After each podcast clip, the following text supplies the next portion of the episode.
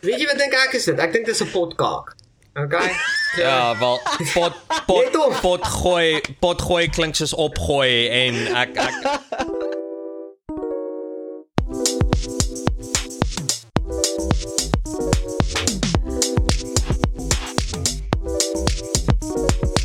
Welkom terug by nog 'n episode van Afrikaanse manne. Vandag op die podcast het ons vir Dewald, Dewald baie welkom. Dankie. En dan het ons ook vir Marcus. Marcus, welkom terug vir nog 'n episode. Ja, baie dankie dat ek weer eens genooi is.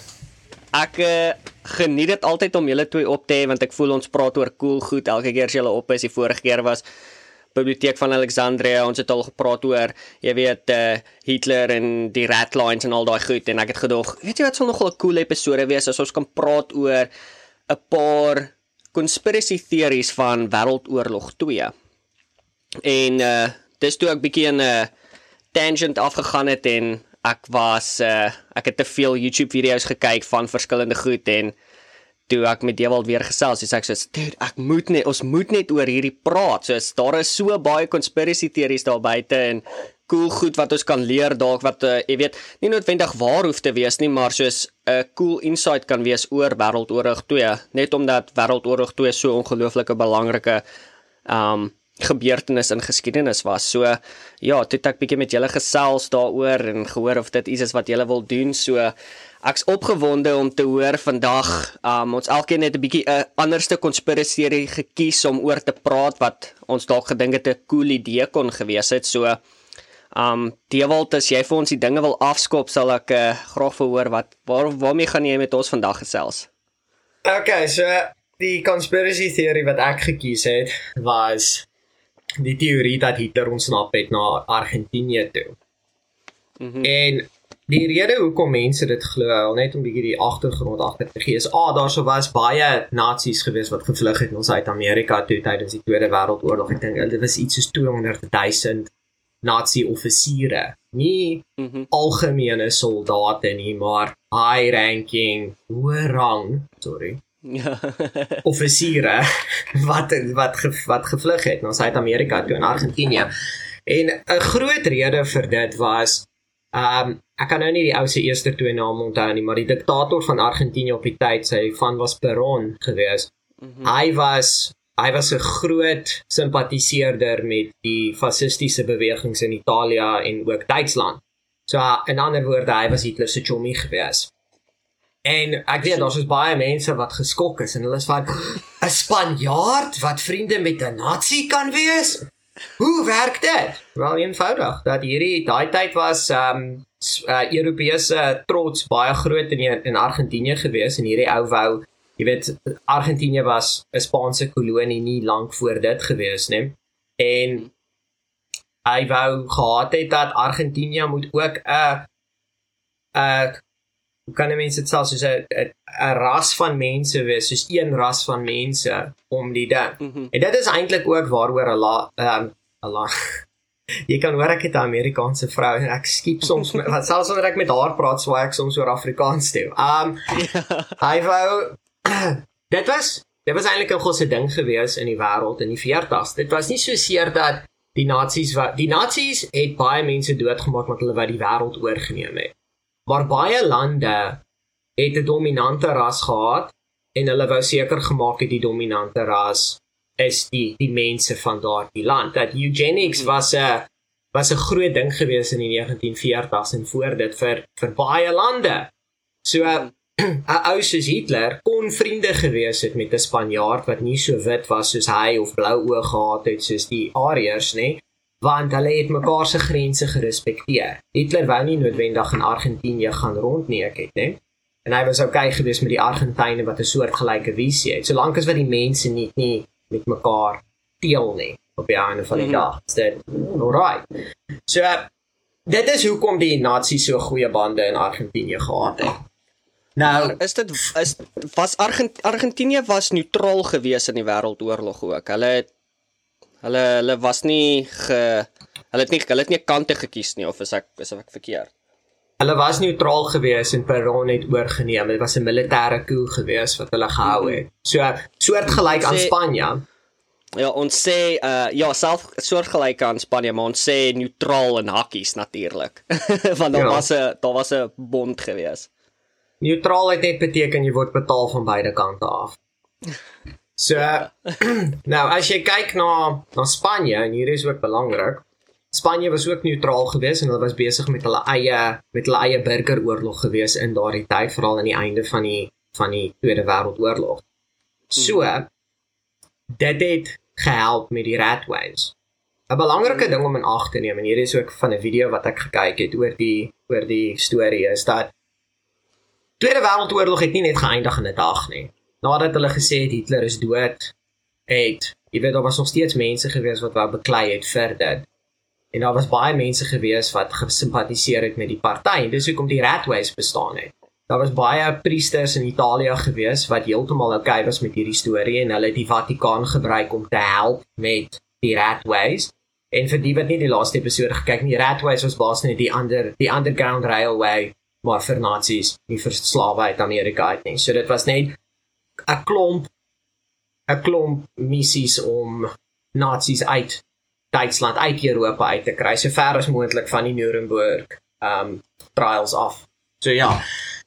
Nou Spanje het gehelp, um Italië het gehelp en dis nie noodwendig die regering wat gehelp het nie. Jy het net mense op die grond nodig gehad wat bereid was om te help en dan het hulle gemaak dat hierdie goeters gebeur. En baie mense sukkel om dit te verstaan. Hulle dink 'n regering verteenwoordig die hele land. Nee, jy het net 'n paar 'n paar vriende nodig in hoë plekke en hulle kan maak dat dinge gebeur. So daar's soos nou die agtergrond. Nou kom ons praat oor Hitler se dood, want dit is natuurlik seker die belangrikste gedeelte van hierdie hierdie hele hierdie hele topic. Ja, ja. So die die rede hoekom hulle glo dat Hitler is nie dood nie. So ek gaan vir julle die een vertel wat hulle sê die debunking van die conspiracy theory is en dan gaan ons in die conspiracy theory inkyk. So die rede hoekom hulle sê die conspiracy theory is podcast is Rusland het nooit eintlik baie inligting uitgegee van Hitler se lijk nie. Want die Russe het die Russe het die banker ingeval, die Russe het die lijk gevind, die Russe het alles gedoen en hulle het dit baie stil stil gedoen. En daarso is twee redes wat die mense glo vir dit. Een is die Russe was baie gedisorganiseerd geweest en hulle het die bewyse heeltemal opgeneek en hulle het nie ordentlike notas gevat nie. En dit het gemaak dat die die bewyse half net onder 'n onder 'n hoop papiere opeindig. Die ander rede is is dat die Russe het begin al klaar voel dat die volgende oorlog gaan wees tussen kapitalisme en kommunisme, die koue oorlog en hulle het as prins dit in die stilte gehou om te maak dat die geallieerdes mekaar begin wantrou. Mm. Jy weet, wie wie weet wat, dalk het Hitler ontsnap, dalk het hy nie ontsnap nie, dalk lewe hy, dalk is hy dood, dalk het iemand anders deur sy lijk in die hande gekry. En Stalin het so ver gegaan as om een keer te sê dat "Hm, hy kan dalk lewendig wees. nou nee, fucking Stalin. So en daar daardie is 'n belangrike daardie is 'n belangrike stukkie inligting daarso wat die Russe is moergroot met propaganda net soos wat die Duitsers was. So wat sê Stalin vir ons eintlik? Is dit die waarheid? Is dit net nog propaganda om te maak dat mense nog steeds ongemaklik is want hy wil nie hê dat mense moet hy wil nie hê die lande moet kan unify om Hitler se dood sodat hulle essensieel teen Rusland kan gaan beklei nie. So, mm -hmm. wat is die rede vir dit? Nou later het hulle soos hulle tande gevind wat Hitler se was, drie tande om spesifiek te wees en hulle het dit gematch met sy dental records van jare terug. okay. En hierdie was nou glo sy tande gewees. En daar was 'n daar was 'n lijk gewees van Hitler wat gevind was, maar dit het hulle soos 'n dag gevat om agter te kom dat hierdie is 'n body double. En dit is nou wat dit interessant raak. So nou, Okay. nou gaan ons oor na die conspiracy gedeelte toe. So tydens die Tweede Wêreldoorlog was body doubles 'n groot ding geweest. Stalin het 'n klomp body doubles gehad. Winston Churchill het ten minste een body double gehad. En natuurlik moes Hitler 'n body double gehad het eers. Natuurlijk. So hulle vermoed- vyande. hulle vermoed wat gebeur het was Hitler se sekretaris, ek kan nou net nie onthou wat die ou se naam is nie, Bron Bromme of iets soos dit. Miskien kan Marcus my uithelp met hierdie ene. Um hy het hy het hierdie hele ding georgestreer. Hulle het 'n body double in die banker ingekry toe hulle agtergekom het dat jy weet Patton kom van die een kant af, die Russe kom van die ander kant af, Berlyn gaan nou kap. Toe het hulle vir Hitler uitgekry. En waantoe hy is, weet niemand nie. Dis die interessante gedeelte. En dis hoekom ek in ons boodskappe vir mekaar vir jou gesê het dat Argentinië lyk like my is nie noodwendig die plek om te kyk nie. O, So. rarig. Okay. Ja. Nou, Argentinië het nazi-simpatiseerders gehad. So daar's ons Hmm. baie nasies wat Argentinië toe gegaan het. Die een konspirasie teorie wat ek gesien het wat nogals bietjie over the top is vir my, sê dat Hitler het Antarktika toe gegaan. Okay. Ja. Ja, so blykbaar was daar so in 1937 was daar so 'n uh, en ek ek doen die vingerhakkies op die oomblik 'n uh, 'n wetenskaplike span gestuur van die nasies af na Antarktika toe om om navorsing te doen.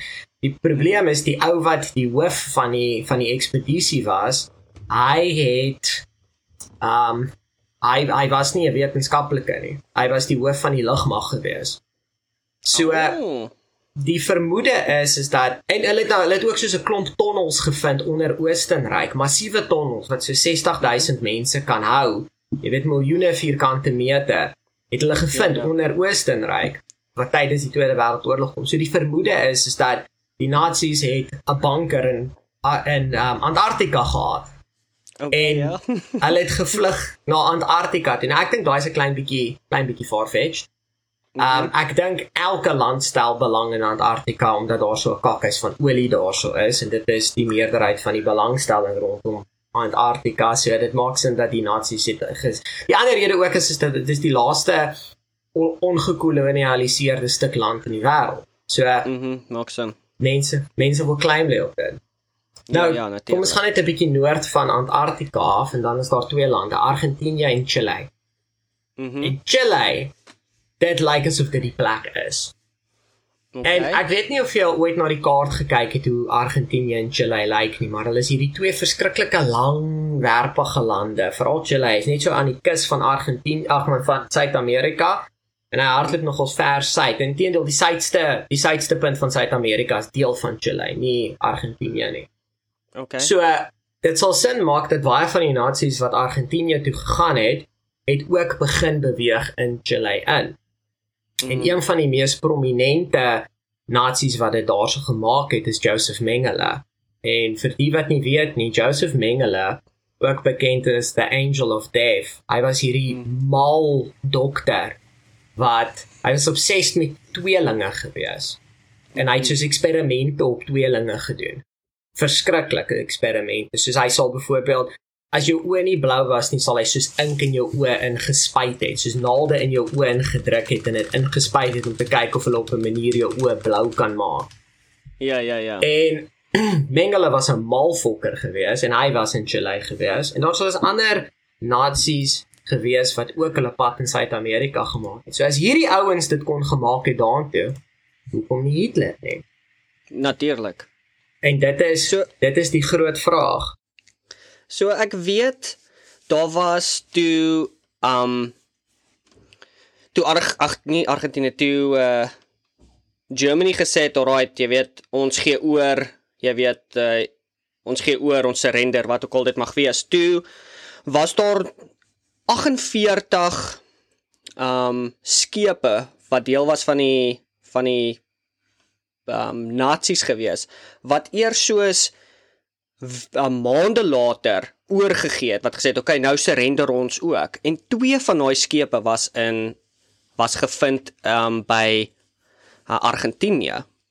Jy weet wat vir my wat vir my ook 'n weird ding was wat ek toe ek daai tyd gelees het, toe ek die heel eerste keer op die konspirasie teorie afgekom het, toe was dit soos hoekom sal jy weet daar was Argentinië was 'n neutr neut- neutrale land gewees. Hoekom wat sal hulle daaronder gaan doen het? Wat wat is die storie? En ek kan nogal sien hoekom sal mense wil dink dat hy Argentinië ingekom het want dit is Suid-Amerika. Jy weet as jy opper en opper en opper beweeg, dan vind jy jouself baie vinnig in Amerika, die plek wat hy absoluut verpes het.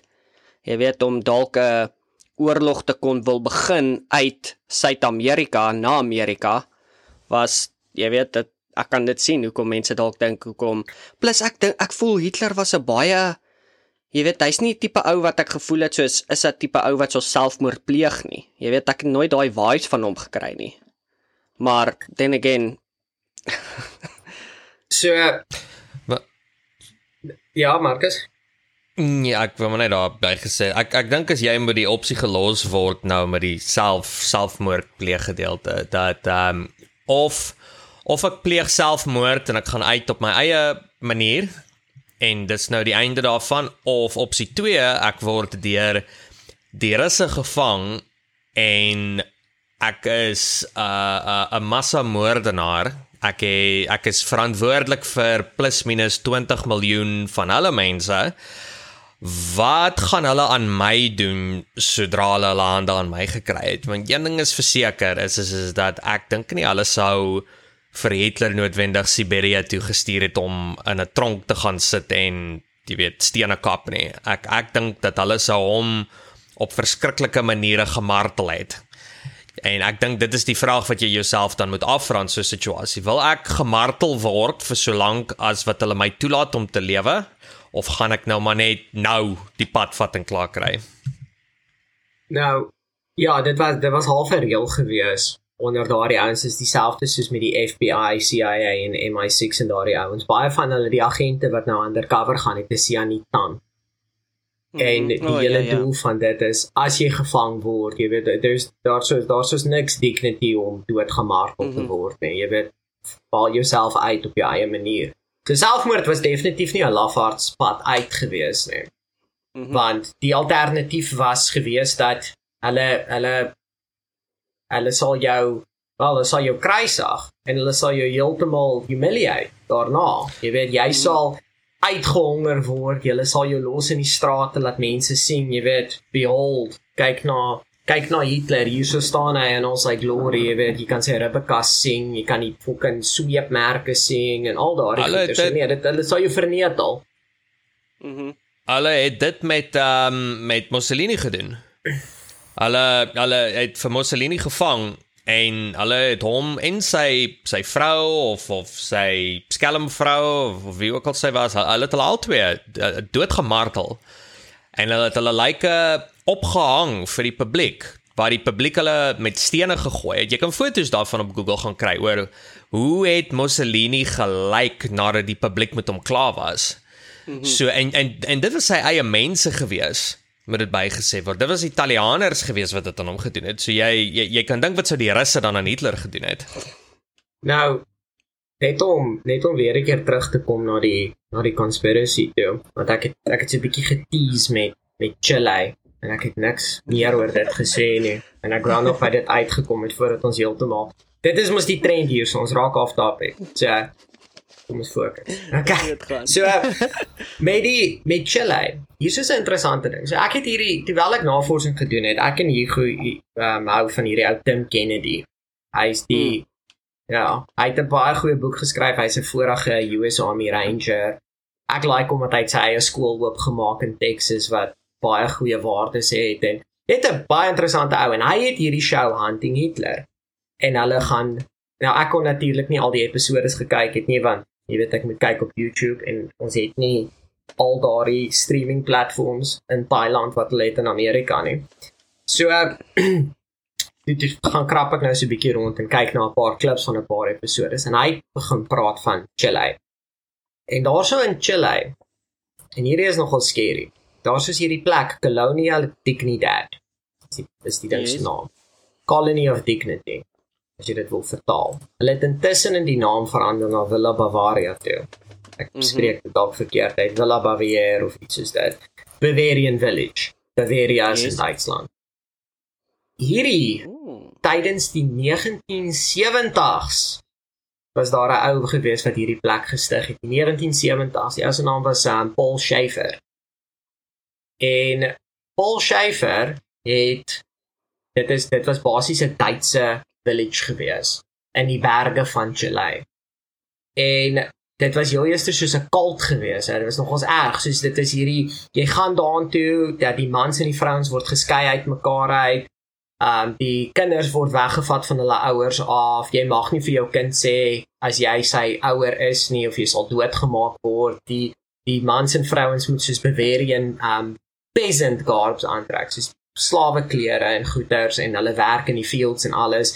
Hulle het baie liefdadigheidswerk gedoen vir die plek, hulle het 'n groot hospitaal gehad vir die, vir vir Chile vir die mense in die omliggende mm -hmm. area. Maar wat aan die gang was onder was baie meer donker. So Paul Schäfer mm -hmm. het Duitsland gevlug want hy het met seentjies gespeel en nie in die nie in die ordentlike manier nie as jy vang wat ek sê. en hy het hy basies hierdie kamp begin en natuurlik het hy aangegaan om met die met die kinders te speel want mm. hulle was geskei van hulle ouers af so hulle het niemand gehad om meer te praat nie. En hy het vriende geraak met die met die die diktator van Chile. Kan nie sy naam onthou nie. En die diktator van Chile het basies daardie kamp gebruik Colonia Dignidad. Hulle het 'n kompleks onder die ding gehad tonnelkompleks en hulle het politieke um uh gevangenes daartoe gestuur om gemartel te word om vermoor te word. En die maniere wat hulle gebruik het om hierdie ouens te martel en dood te maak was dit was Nazi SS style en die en mm -hmm. interrogation kan marteling mm -hmm. basis. En een van die ouens wat hierso by Colonia Dignidad was, was ook Joseph Mengele geweest hy het daar kom kuier. Ja. So dit is dit is waar dinge begin interessant raak. Hierdie high ranking Nazi officials wat so kom kuier het by hierdie Colonia Dignidad plek in die middel van die berge in Chile, moerse ondergrond tonnelkompleks. Jy weet hoe die fok het hulle hierdie tonnels gegrou? Jy weet waar kom die masjinerie vandaan? Die plek van bo af is net 'n normale 'n normale village gewees. Maar ja, ondergrond was dit rof geweest. Hierdie het aangegaan tot in 1990 steeds. Voordat die plek voordat die plek toegemaak was. Dis insane. Dit is dit is hoekom ek sê dat hierdie is hierdie is next level. Dit is dit het aangegaan. Dit is hoekom ek sê dit het begin in die 1960s 70s daardie omgewing.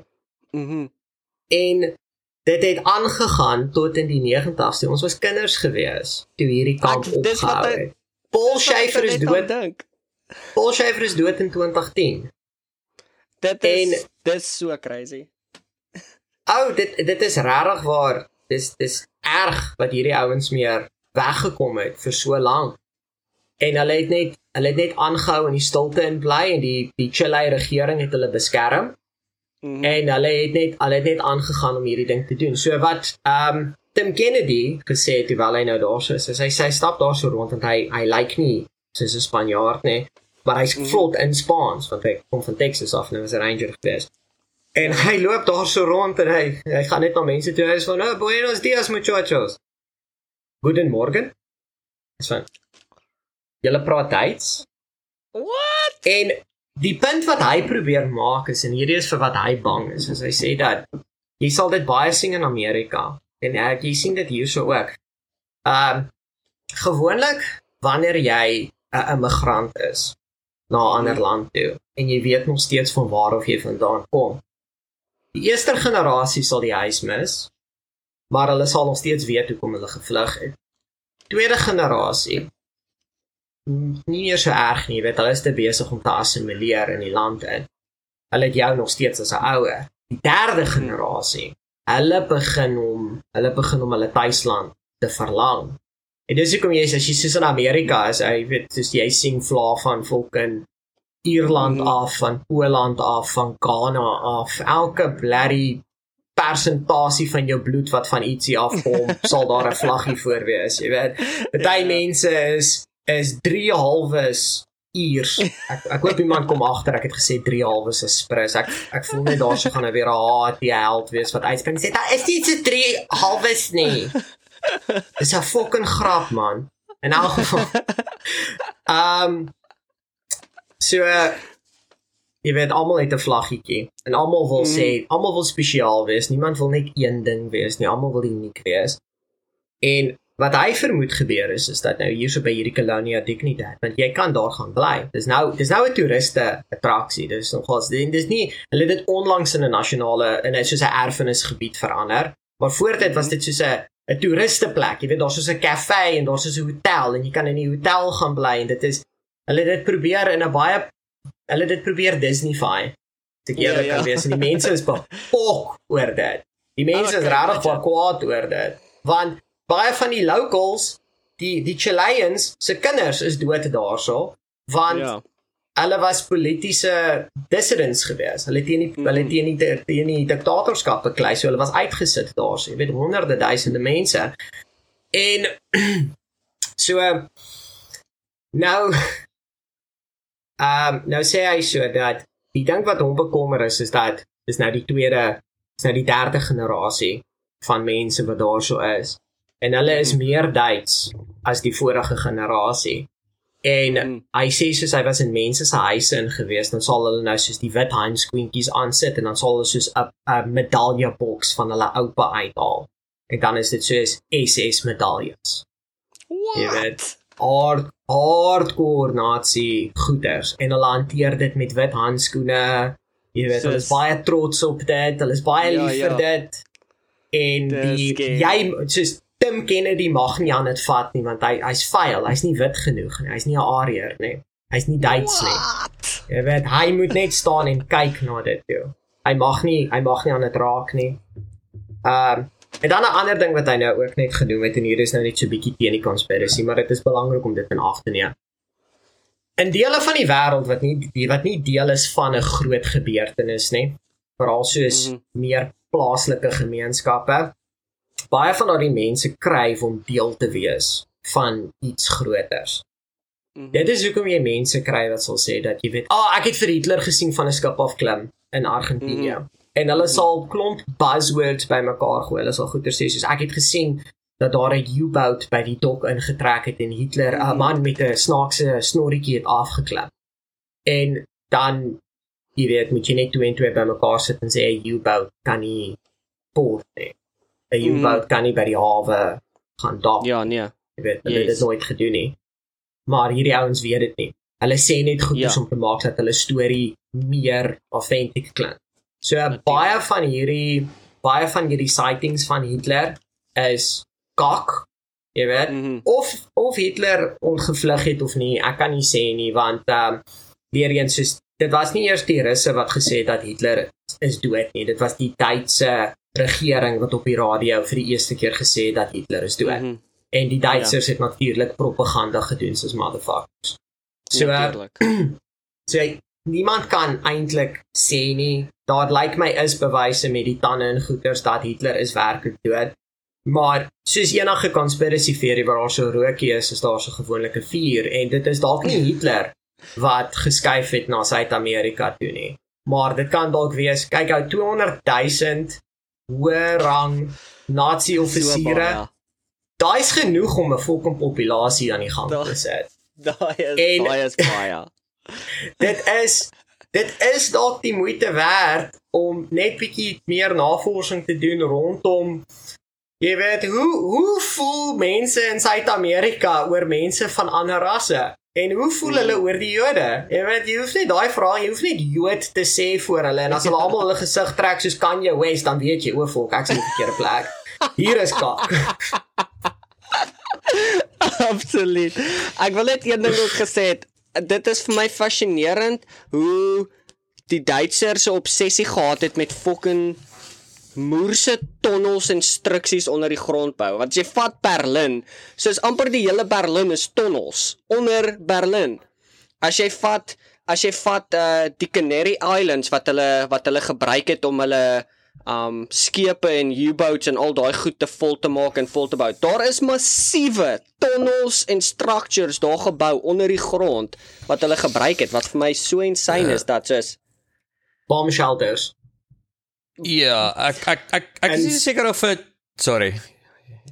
Ah, ek wil net hierdie insit en dan sal ek dit oorgee aan jou. My storie is klaar. Uh, in Suid-Korea, toe ek daar so ek in Seoul was, as jy onder deur die pad gaan en sulke goeders en selfs by die treinstasies en goeders. So hulle het nie bru wat oor die pad gaan nie. Al hulle hulle bru en hakkies is tonnels wat onder deur die hoofpad gaan. En al daai al daai tonnels het soos groot oop areas in dit met water en alles en dit dis bomb shelters. Dit is vir as as Noord-Korea besluit hulle gaan ietsie doen, dan gaan almal net ondergrond gaan en dan kan die bomme maar niks aan jou doen nie. Ja. Ehm um, ja, a- a- andersins as bomskuilings, um, ek is nie seker of dit net 'n Duitse ding is en jy sal sien in Parys is daar so ehm um, la, laat ek nou die behoorlike Afrikaans hierso kry vir hierdie woord. Die katakombes. Kata katakombes, daar's hy. Dis van ek op soek was ja. Die die Nie die kat se kombuis nie. Die katakombes. nee. Die katakombes van Parys. Daarso daar's 'n enorme netwerk van tonnels wat onder Parys is. Daarso is die katakombes van Odessa in in O- Oekraïne. Ook enorme tonnels en en hierdie is voor Wêreldoorlog 2. Hier, ons ons praat hierso van honderde jare oud tonnels wat jy kan sê teen teen begin het as uh skuilingsgebiede vir uh uh vir diewe en kriminele maar uh, ook ook ook vir die vir die blou bloed. Jy weet in in in Londen weet ek daar ek as ek dit korrek het daar's is een wat van Buckingham Paleis deurgaan na uh, een of ander metro system stelsel toe. Mm -hmm. Sodat die koningin kan of wel toe sy nog gelewe het, so die koningin kon gevlug het. So ehm um, ja, ek ek ek, ek sê weer ek, ek dink nie dat dit is noodwendig ehm um, 'n Duitse karaktereienskap nie. Ek dink dit is nou maar net uh, bomskuilings, maar ook uh dis maar net 'n veiligheidstipe van ding. Mhm. En Ja. net om by te las daarso as jy byvoorbeeld kyk na die Paryse katakombes, um dit is totaal en al toegeplak met kopbene en beendere. En die rede vir Mhm. dit is 'n groot stad het nie noodwendig geweet wat om te doen met die dood nie. Jy kon nie net Mm. veral tydens veral tydens die swart plaag. Jy kon nie net Ja, ja. massa grawe gegrou het nie en jy kon ook nie net gegaan het en um um begrafplase maak nie. So toe gaan hulle ondergrond en begrawe verander basies die hele stad in 'n begrafplaas. Dis crazy. It's crazy dat geskiedenis so jy weet jy probeer jouself baie keer in hulle plek sit. Wat sou jy doen as dit vandag gebeur het? Soos jy weet wa, hoe hoe sou jy dinge hanteer het en dit is moeilik om dit te om te dink soos wat is die stappe wat jy sal doen. Mense adapt so vinnig. dis baie subjektief en en en en, en ek dink ek dink dat dat ehm um, mense het 'n het 'n groot geneigtheid om hulle lees 'n bietjie geskiedenis op Wikipedia en hulle dink dit dit is feit na die tyd. Ja. Uh dit dit dit dit sluit dit sluit in um, uh, uh samesweringsteorieë ook. Daar's nou vir julle 'n mooi Afrikaanse woord vir conspiracy theories vir toekomstige podcasts. Nie dat ek weet wat die Afrikaans van podcast is nie, maar ek dink nie ons het 'n Afrikaanse woord vir dit nie. 'n Potgooi. Almal gaan Gooi, hulle ja. almal gaan hulle gatte wip oor potgooi. Mense raak so kwaad oor dit. Potgooi. Dis dis volgens volgens ons HT helde want daar was 'n groot gesprek gewees op een van ons posts daaroor gewees. Daar's party mense wat sê dis as gevolg van RSG dat ons dit potgooi noem en dis nie 'n potgooi nie, dis 'n potsending. So wie reg is en wie verkeerd is weet. Weet jy wat dink ek is dit? Potsending. Weet, weet jy wat dink ek is dit? Ek dink dis 'n potkaak. Okay? So, Ja, wel pot pot pot gooi pot gooi klink soos opgooi en ek ek ek ek ek kan nie ek kan nie daai woord gebruik nie. Ek ek bly maar eerder by die by die Engelse woord. Ek, ek gee nie om hoe trots in Afrikaans jy is nie. Kom ons wees nou maar net eerlik. Almal van ons praat van steak en ons praat van milkshakes en jy weet, al al al daai Engelse woorde wat nou al so in ons kultuur in is. Dat Mhm. dat dat dat laat, laat ons nie moeilik wees nie. Ja, ek jy weet as ons moes milkshake oorswaai na melkkom om toe klink dit net soos 'n eensame aand. Jy weet ons bly maar by by milkshake. Ja. En dit dit is just die die net voordat ons voordat ons ver die die die mikrofoon oorgee na hier goed toe. Wil ek net terwyl ons raak aan die die HAT helde ons ons woordeboek. Ons ons woordeboek warriors. Daar's vir julle 'n mooi mengelse woord. Ek kan jou ek kan jou 100 rand wet nou dat nie een van hulle gaan eintlik na hierdie luister nie. Hulle gaan net wag vir die vir die kaartjie om op te pop en te sê, "Ah, fuck! Engels en Afrikaans mag nie meng nie. Niemand gaan daar luister nie. Niemand weet ons is besig om die gat te vat met hulle nie. Ek wil eintlik hê hulle moet hoor ons vat die gat met hulle. Maar ja, nou geval hier gou jou weer. ons sal sien wat gebeur want ek weet daar was 'n paar ooms wat geluister het deur 'n goed waar hulle comments gemaak het oor sekere goed. So daar's party van hulle wat deur sekere episode luister. So fingers crossed. Daar sê, um my konspirasie teorie was uh het ek 'n bietjie op 'n ander rigting gefokus want uh tot en met vandag toe, nie dat dat Hitler, jy weet, mense nie daar dink nie, maar dit het meer in die rigting gegaan van mense of jy weet daar is 'n daar's 'n iets wat jy kan wen deur 'n bietjie van jou tyd in te sit. Jy weet tipe konspirasie teorie. So my konspirasie gaan oor Yamashita's gold of Yamashita's goud om beter te sê. So waar hierdie hele storie, ek gaan ek gaan so 'n klein bietjie agtergrond gee oor waar alles begin het en dan gaan ek uh want die konspirasie teorie is eintlik nogal heel eenvoudig. So in uh 1945 het uh, as ons nou so die dinge afskop, was daar 'n uh, uh probeer nou dink wat is die uh, Afrikaans vir 'n uh, emperor, uh, keiser, keiser. So was daar keiser gewees met 'n uh, eh, Sorry, ek net gaan my inligting hier kry. 'n Keiser gewees met die naam Hirito. En hy was 'n uh, hy was die broer gewees um van die groot kop keiser gewees, van die van die groot emperor van Japan op daai stadium gewees. En hulle toe in um vroeg Junie 1945 het uh, Japanse oorlog teen die Amerikaners um wat op die punt was waar hulle hulle begin verloor het, het 'n uh, generaal Yamashita en dit was nou uh Toko um Tomoyuki Yamashita. Hy was ook beter bekend as the Tiger of Malaya. Um en die rede hoekom hy daai bynaam gekry het is want um binne uit binne 70 dae het hy die Britte um verower in in um in Malaya waar hy basies oorgevat het. En dit was die grootste oorwinning van die ooste oor die weste in die hele wêreldoorlog 2 gewees. Nou wat uh Yamashita interessant gemaak het is hy was nie net 'n generaal gewees nie, hy was ook betrokke gewees by die Yakuza gangsters. So die wat nie weet wat die Yakuza gangsters is nie, dis ook nog 'n or organisasie van van um crime wat tot vandag toe plaasvind in Japan. Dis 'n basiese familie en ek sê dit met hakkies want is meer as dit. Um wat basies soos die maffia is van Japan. Hulle doen organized crime en jy weet hulle het hitmen en hulle hulle um dwell in met die dwelms en al in al daai goed. So hulle is tot met vandag toe nog 'n organisasie wat wat bestaan en hy was betrokke met hulle gewees.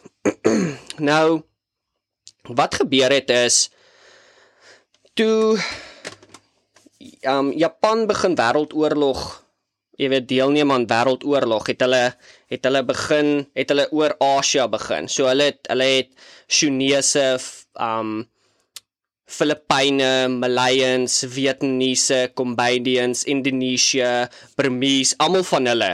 Um hulle het gesê daar was ongeveer 30 miljoen van die uh van daai um Asia, Suid-Asia wat Japan doodgemaak het.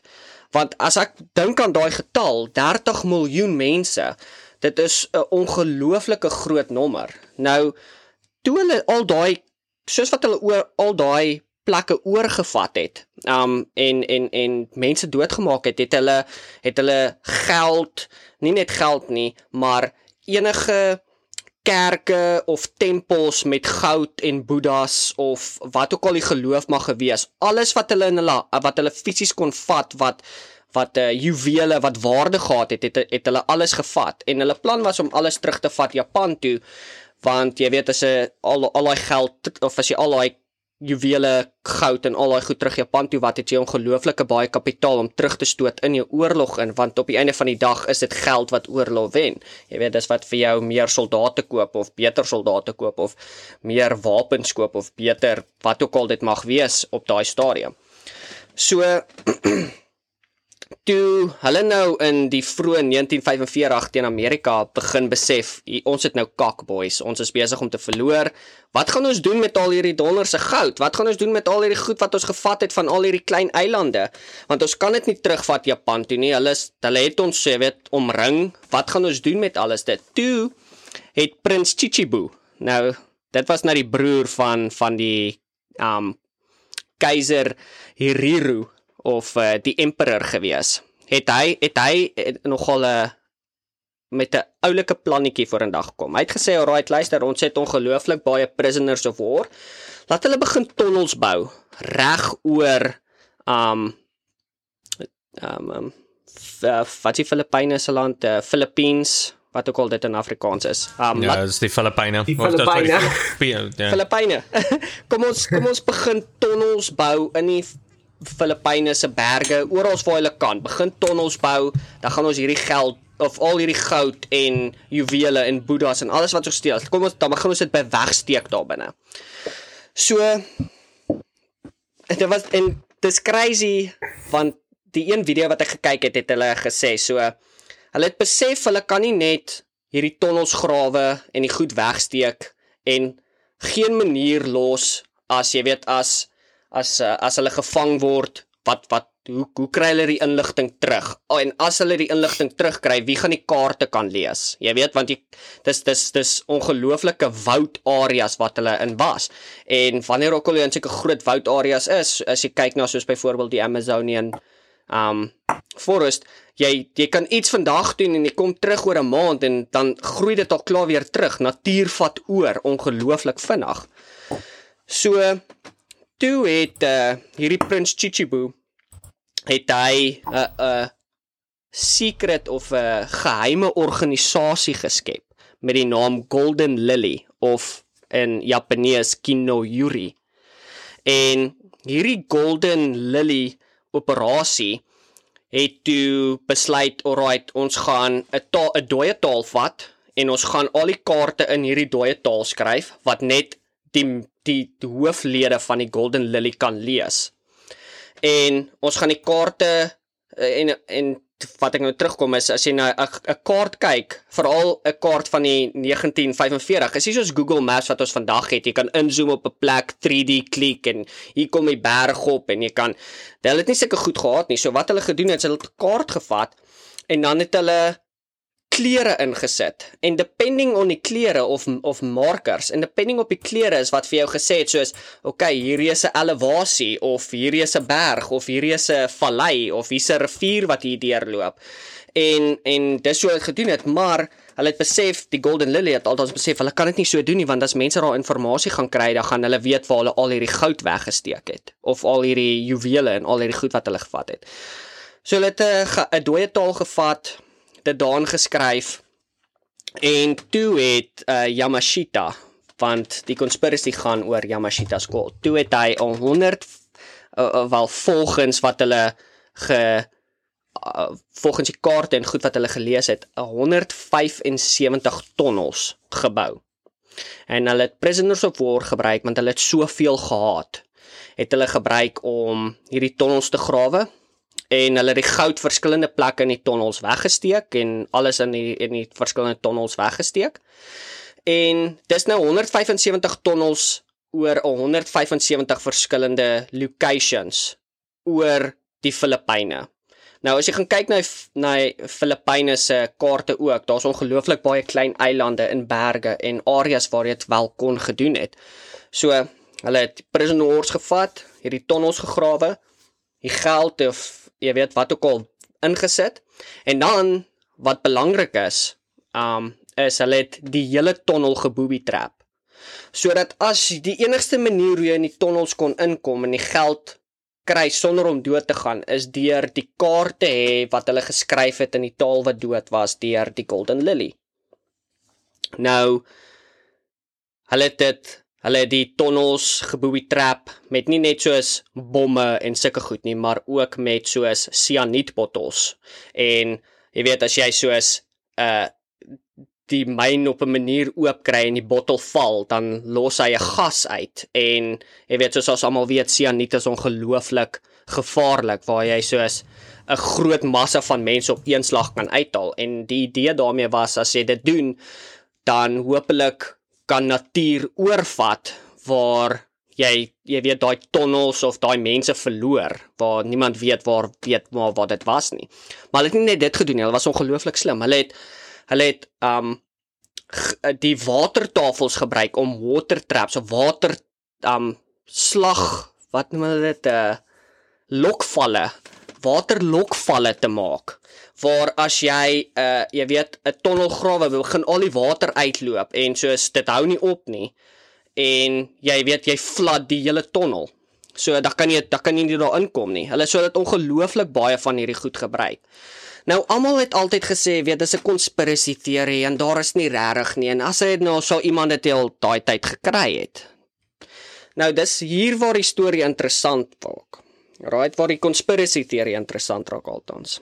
Is want almal het altyd geweet dat daar is tonnels en daar is goed weggesteek en so aan, maar niemand kon dit kry nie. Nou in 1971 was daar 'n man gewees met die naam Regilio Roxas. Hy was 'n Filipino uh locksmith, ek weet nou kan ek nie onthou wat dit is in Afrikaans nie. 'n Slotmaker. Ek neem aan. hy was 'n Filippynse slotmaker en hy het 'n Japaneese soldaat gehelp En hierdie Japaneese soldaat het vir hom in 1960s het hy vir hom 'n kaart gegee.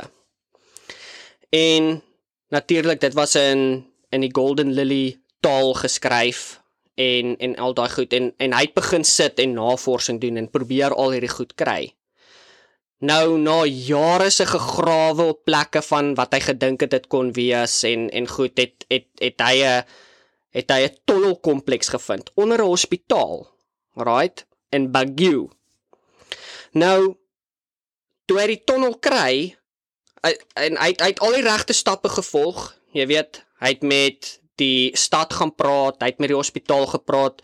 Hulle het seker gemaak dat as hulle begin werk daar doen dat jy weet niks kan stop nie. Hy het al die permitte gehad, alles om seker te maak dat hy op die regte plek is en die regte todes volg. Nou in elk geval toe het hy hierdie tonnel gekry en hulle tonnel uitgebrei en maar hulle het niks, jy weet 'n uh, lokvalle of enigiets van daai gekry nie.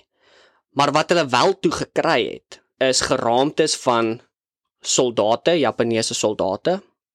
Hulle het vuurwapens gekry, swaarde. Toe behalwe dit het hulle begin goudblokke kry. En Toe hulle verder in die tonnel gaan, toe kry hulle 'n goue Boeddha. En die goue Boeddha se kop kon afkom. En in die goue Boeddha se kop was daar was dit vol diamante gewees.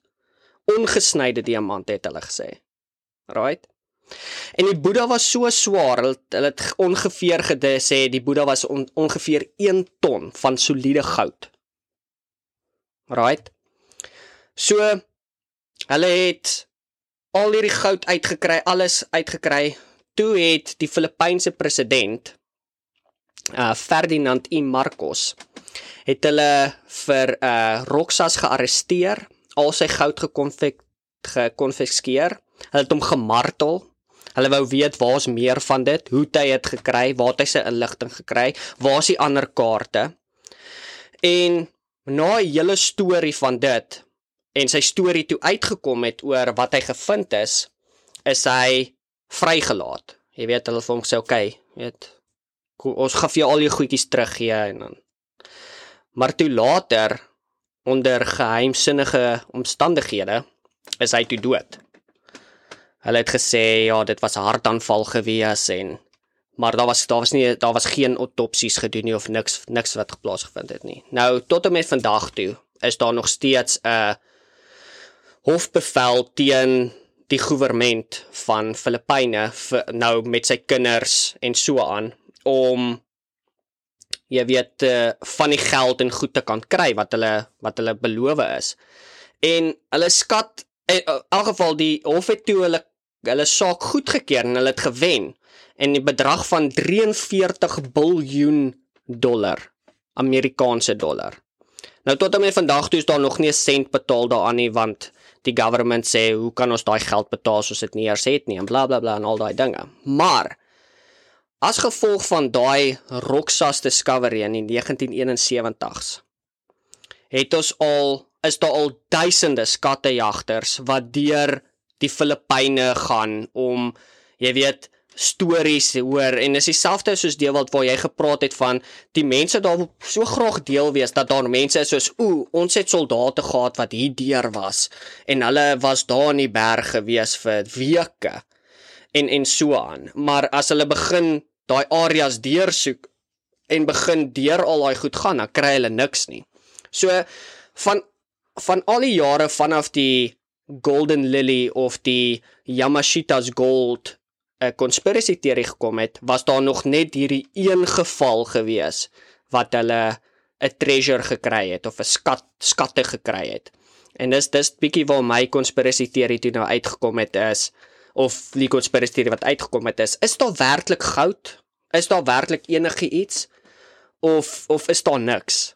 en dit is 'n wild goose chase wat almal op is. Ja, laat my amper nog ons dink aan die storie van die die kreer miljoene. Jy wel van dit gehoor het, hè? Ja, dit is yes, yes, yes, yes. Ja. Wanneer ook al daar goud wanneer daar goud of skatte of juwele of enigiets wat jy soos fisies kan gaan vind betrokke raak. Jy weet, dis soos 'n dis soos 'n pirate met 'n X in die strand. Jy weet, almal raak opgewonde soos oesh. Dalk is daar iets wat ons kan kry, maar ja, tot en ver is daar nog niks gevind verder nie. Ek dink dit is die Grieke wat wat gesê het dat goud is die ekskresie van die gode. Dis hoekom mm. dit maak dat mense so mal gaan. Mense raak mal oor goud hou ek ernstig, so selfs nou, jy weet mense is mense is goud bevolk. As jy 'n goue horlosie het, as jy enigiets het wat goud is. Jy weet dit is dis die ding. Dis 'n barracuda in die in die see. As hy 'n bietjie geel op 'n vis sien, hy sal net die geel eet. Niks anders nie. net net so rakend op dit. Um enige iemand wat hou van duik of snorkel, as jy 'n goue ring dra, maak seker jy haal daai ding af want 'n barracuda sal jou vinger kom afbyt. Dit is insane, ja. ek het dit nog nooit eens gehoor nie. Nee, hulle is hulle is ja. oorbelle ook, ou, hulle alles alles iets besonders gelok na die kleur geel vir sommige redes. Myself toe met 'n volstrys, is 'n volstrys hou daarvan om om die die die uh, blink juwele te pak. O, ja ja. Ek het al so, gehoor van soos 'n diamant of so iets. Ja, ja. Ja, as jy 'n blink juweel aan het by ja, vol strys hy hy ja, ja, net so, dis wat jy sê, so wat hy skitter. Hy sal kom en hy sal hy sal pik vir spesifiek dit. Weet nie hoekom nie, maar hulle doen hom maar net. Ek weet maar so jy op Leon, hulle het op Leon Schuster se een episode daarso waar die volstrys die diamant geëet het, was dit nie? Ek een van daai uh, Zulu op my stoep of een van daai, jy weet, daai flieks wat hy gemaak het anyways. so ja, ja ek, ek weet ek, ek was baie geluister met jou storie. Hoe, hoe hoe meer ek geluister het na jou samesweringsteorie, hoe meer en meer ek net bly dink het aan Indiana Jones. En ek het amper in 'n mate ek het in 'n mate gehoop dat jy gesê het dat die ou wat uh, die tonnel gevind het, ek het so in die stilte, ek wou graag iets gesê het, maar ek het gehoop jy gaan sê en die man se naam was Indiana Jones. O oh, nee, grappie, grappie ouens. Dit is dit het rarig soos 'n episode geklink van Indiana Jones. Dit is absoluut wat dit is en ek dink dit is dalk hoekom mense so jy weet so op obsessed is met dit. Jy weet as 'n um die die regering van Filippyn is of van hulle is baie lief vir mense wat oorkom want jy weet hulle maak geld deur al hierdie mense wat kom en um 'n maande of selfs jare spandeer om iets te vind wat dalk daar nie is nie, maar dalk is dit. Ja, want daar's verskriklike pryk betrokke in avontuur. Daarso daarso is 'n um, ek ek kan hom nie dood nie onthou nie want dit dit, dit my nou letterlik bygeval, maar daar was 'n digter gewees wat uh hy het 'n gedig geskryf wat blykbaar instruksies is na sy skatte van miljoene toe. En die storie hmm. agter dit is, is is is dat hy het aspres hierdie geplant met die doel van dat iemand lees sy gedig en as jy as jy kan uh, uh, uh, ek het nou Afrikaans vergeet but if you can solve the mystery dan kan jy die skat vat met die miljoene wat daar so binne is. Nou of dit nou werklik die waarheid is of nie, weet ek nie, maar die feit bly staan is dat daar is hierdie gedig en dit stop nie mense om jaarliks te gaan soek en te probeer uitvind kan hulle die skat vind. Absoluut. Dit is ook 'n fantastiese manier om jou om jou naam lewendig te hou. Veral as jy 'n skrywer of iets soos dit is. Jy weet baie skrywers wil ge-immortaliseer word. Weet nie wat dit vir die regte Afrikaans is. Ek het daarins gelees as jy ietsie sê met as jy ietsie sê met confidence dan glo mense ja.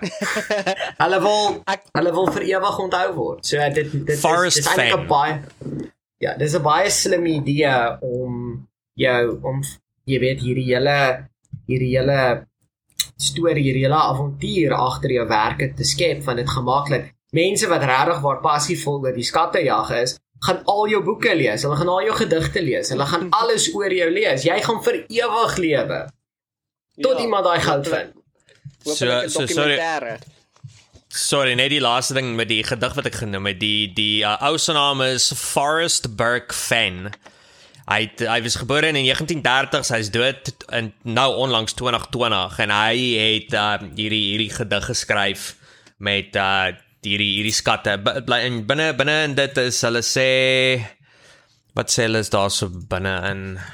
Uh, ek het sommer net so vlugtig opgelees uh, om om ek te probeer kry. Maar ja vir dies wat belangstel om op 'n groot avontuur te gaan vir die toekoms en jy wil graag jou vorm van Indiana Jones speel gaan Amerika toe, gaan in die gebiede van uh, Santa Fe in en uh, kyk, miskien is jy die die gelukkige eienaar van die Forest Fen skat. En miskien is hierdie ook 'n goeie tyd vir 'n uitnodiging. As daar enige skattejagters is wat nou hierdie luister wat op soek is na die kreerande, jy weet, kom op, stuur vir ons 'n boodskap op Instagram. Asseblief, ek dink dit kan 'n dit kan 'n baie interessante storie wees. Absoluut, ek stem saam. ek sal weer daarvan wil leer. Alright, dis dit nou my beurt. Yes, ons gaan nou oor switch na jou na joune toe. Ek is uh, ek is okay. nogal excited om te hoor van jou nou wat uh toe toe ek die lysie opgesit het, toe sê ek soos, "Alright, ek hoop eintlik nie iemand kies die ene nie, maar Marcus, jy was so skop." ja, ja, ek's baie excited. Ek was so 'n bietjie laat na die partytjie toe gewees met 'n ander idee wat vir my gegee was van ehm um, wat wat ek eintlik in wou beweeg het, maar ek ek het heeltemal vergeet om navorsing te doen oor hierdie een, maar ehm um, ek weet nie of jy bekend is met wie Rudolf Hess was nie. Mm. -mm.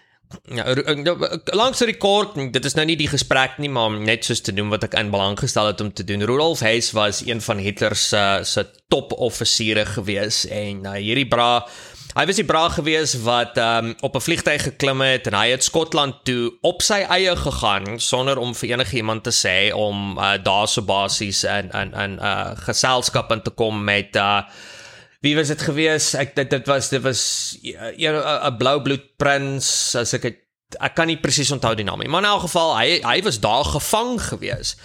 En vir die hele oorlog was hy in in in die tronk gewees. Okay. En daar's 'n hele storie agter dit oor um hoekom was hy toegelaat gewees om so lank in die tronk te wees en hoekom is hy later hy hy hulle sê dat hy homself gehang maar mm. die die die sameswering storie agter dit is is dit hy het nie homself gehang nie maar dit was MI6 gewees. Mm -hmm. So soos wat um die die die uh soos die FBI basis is van van Engeland. Hulle ja, sê ja. dat die hulle het hom doodgemaak sodat hy nie die waarheid vertel oor wat eintlik gebeur het in Engeland en wat die gesprekke oor gegaan het nie. Kan, maar uh, kan dit ek, ek, kan dit moontlik wees dat dit die Clintons was met soos met met Epstein? weet weet jy weet jy John dit is dis dis baie moontlik. Gaan jy sê die Clintons het hom doodgemaak? ja. So so dit is dis 'n jammerte dat ek ek was gister was ek so besig geweest dat ek het heeltemal vergeet om navorsing te doen en op te lees oor daai en so ons hou nog maar sterk by die oorspronklike keuse van um het Amerika en uh Roosevelt president Roosevelt geweet dat die Japaneese gaan vir Pearl Harbor aanval. Mm -hmm. En uh vir vir dit ons nou te diep gaan in in hierdie hierdie sameswerings uh, uh, teorie. Um, daar sou is baie geskiedenis wat eers bespreek moet word oor wat sal lei na hierdie idee toe dat Amerika het geweet van die begin af. So um, om ook net by te las dit is baie dis dis baie gewild vir mense om te wees soos van o Amerika steek alles weg en o, area 51 en o, al hierdie al hierdie dinge kom uit Amerika uit. Um ek sal vooraf vir mense sê wat luister Julle moet samesweringsteorieë met 'n knippie sout opneem. Altyd. Daar is net daar's natuurlik moontlikhede dat die goed kan waar wees en daar is van hulle wat al bewys is dat hulle waar is, maar dieselfde asem hierdie een spesifiek wat ek oor gaan praat is 'n baie gewilde een wat mense is lief daarvoor om vas te haak daarop dat Amerika het geweet en dit was hulle verskoning geweest om betrokke te raak in Wêreldoorlog 2, maar ons gaan nou 'n bietjie deur die uh die die details en die inligting hierso gaan om da, jy, jy kan vir jouself besluit na die tyd wat jy dink. Awesome. Alright. So um om om te begin dat um ons moet nou weet dat uh, ons is nou in die 1930s. Uh, dit is nou 'n goeie 9 jaar voordat Wêreldoorlog 2 begin en uh, jy het nou hierdie lande soos Duitsland en Japan en al hierdie klein lande wat uh, hulle hulle is nou besig om hulle uh, uh, mag op te bou hulle empire so te sê op te bou. En Japan is nou een van die nuwe ouens wat nou in die spel inspring en hulle wil graag ook groei en hulle wil kompeteer met ouens soos Engeland en Amerika wat nou al klaar baie magtig is. En Japan het ongelukkig een enorme probleem. Japan is nie juis bekend vir hulle hulle natuurlike hulpbronne nie. Dis 'n verskriklike klein land en hulle het nodig om hulle bronne van iewers anders af te kry. So die die idee wat Japan nou kry en wat ons nou begin lei stelselmatig en hoekom hulle betrokke geraak het in die Tweede Wêreldoorlog is is is dat hulle hulle wil doen wat die meeste um empires voor hulle gedoen het. Is is jy val ander lande aan en jy gaan neem oor die natuurlike hulpbronne wat ander lande het. So Japan gaan en hulle val vir Manchuria aan. Vir mense wat nie weet wat dit is nie, dit is so 'n stukkie land wat net so noordoos van China af is. Dit is letterlik op die grens tussen uh China en ek dink Mongolië. So Japan val daai gedeelte heel eers aan. Hulle neem dit oor en dit is nou nog nie amptelik die begin van die oorlog nie, maar dit daai gedeelte gaan Japan se verskoning raak om uh oorlog te begin met China. Mm -hmm. So wat hulle nou op die ou einde doen is is is dat dat daar so is 'n vuurveg wat wat gebeur en Japan gebruik hierdie as 'n verskoning om China binne te val en hulle hulle pleeg van die verskriklikste dade wat in die oorlog nog gepleeg was. Uh die, die, die een van die een van die bekendstes was was the rape of Nanjing geweest. -hmm. Wat uh, ek gaan nou nie te veel uh, detail ingaan oor wat presies daar gebeur het nie, maar ek dink die naam kan vir julle mooi beskryf oor wat daar gebeur het. Dit was 'n verskriklike gebeurtenis gewees en uh, is die moeite werd om op oor uh, om op op te lees, maar jy weet dit dit is dis rowwe geskiedenis om oor op te lees. So Japan gaan nou en hulle hulle is besig om vir China in te val en dit is redelik hoog suksesvol heel eerste. Hulle hulle druk vir China tot in die die die middel van China in en eweskielik is daar so 'n vereniging wat plaasvind met die uh met die Chinese en hulle begin om uh hulle grond te staan en hulle stoor die Japaneese terug. So nou is Japan en China in hierdie um in 'n stalemate nou basies. Nie een van die kante is besig om te wen of terug te stoot nie, maar hierdie is besig om vir Japan verskriklik baie geld en bronne te kos. Mm -hmm. So, um Japan het nou natuurlik nodig om om na ander plekke te kyk sodat hulle uh meer bronne kan kry sodat hulle hierdie oorlog van hulle aan die gang kan hou. So nou begin Japan stelselmatig te kyk na Suidoos-Asië. So dit is nou waar ons nou in beweeg in uh die die die Filippyne, ons kyk na Indonesië, Maleisië, al hierdie lande in Suidoos-Asië, maar die grootste probleem is is dat die Filippyne is uh uh is onder beheer van die Amerikane, Amerikaners. En wat beteken dat Japan moet versigtig wees oor of hulle daar wil gaan meng. Maar al die ander lande is basies oop.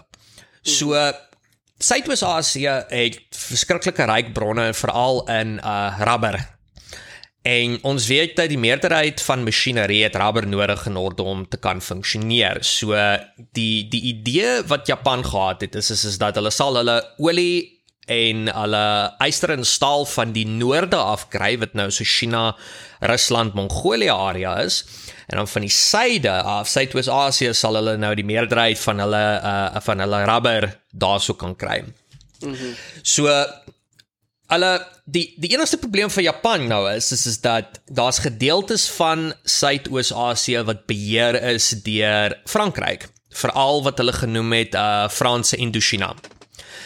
So Japan gaan toe en hulle hulle hulle kom met 'n ooreenkoms met Frankryk dat hulle gaan deur uh uh, uh ja, soos Franse Indochina beweeg sodat hulle vir die Chinese kan afsny en basies ook nou uh, uh, uh, uh by die goedere kan uitkom wat hulle wil hê. Frankryk sê dit is oukei. Okay, maar Amerika aan die ander kant gaan en hulle sien hierdie as 'n uh, as 'n 'n 'n geweldspoging van mm. Japan af om om ag aggressie uit te oefen. Nou belangrik om in ag te neem Amerika op die stadium is glad nie betrokke by die wêreldoorlog nie. Wêreldoorlog 1 of in die einde van wêreldoorlog 1 het Amerika besluit dat oorloë wat buite Amerika gebeur is daai lande se probleme. -hmm. Uh om veral omdat Wêreldoorlog 1 so verskriklike oorlog was. En Amerika het in in hierdie uh staat gegaan van isolering. Wat beteken ek dat hulle gaan nie deelneem aan oorlog nie. Dit sluit in dat hulle nie goedere gaan verskaf nie, hulle gaan nie wapens verskaf nie, nie soldate nie, niks. Julle oorlog, julle probleem. En toe Japan nou hulle hulle gewelddadigheidsdade begin pleeg het in Suidoos-Asië het uh, die publiek het hulle opinie stelselmatig begin verander oor moet Amerika betrokke wees of moet hulle nie betrokke wees nie. So toe gaan Amerika en hulle verander toe hulle hulle uh, um hulle staan nou op die oorlog deur om te sê dat mhm. okay ons gaan nie direk deelneem aan die oorlog nie maar ons gaan ons gaan ons bondsgenote verskaf met jy weet goedere en bronne sodat hulle aan die gang kan bly.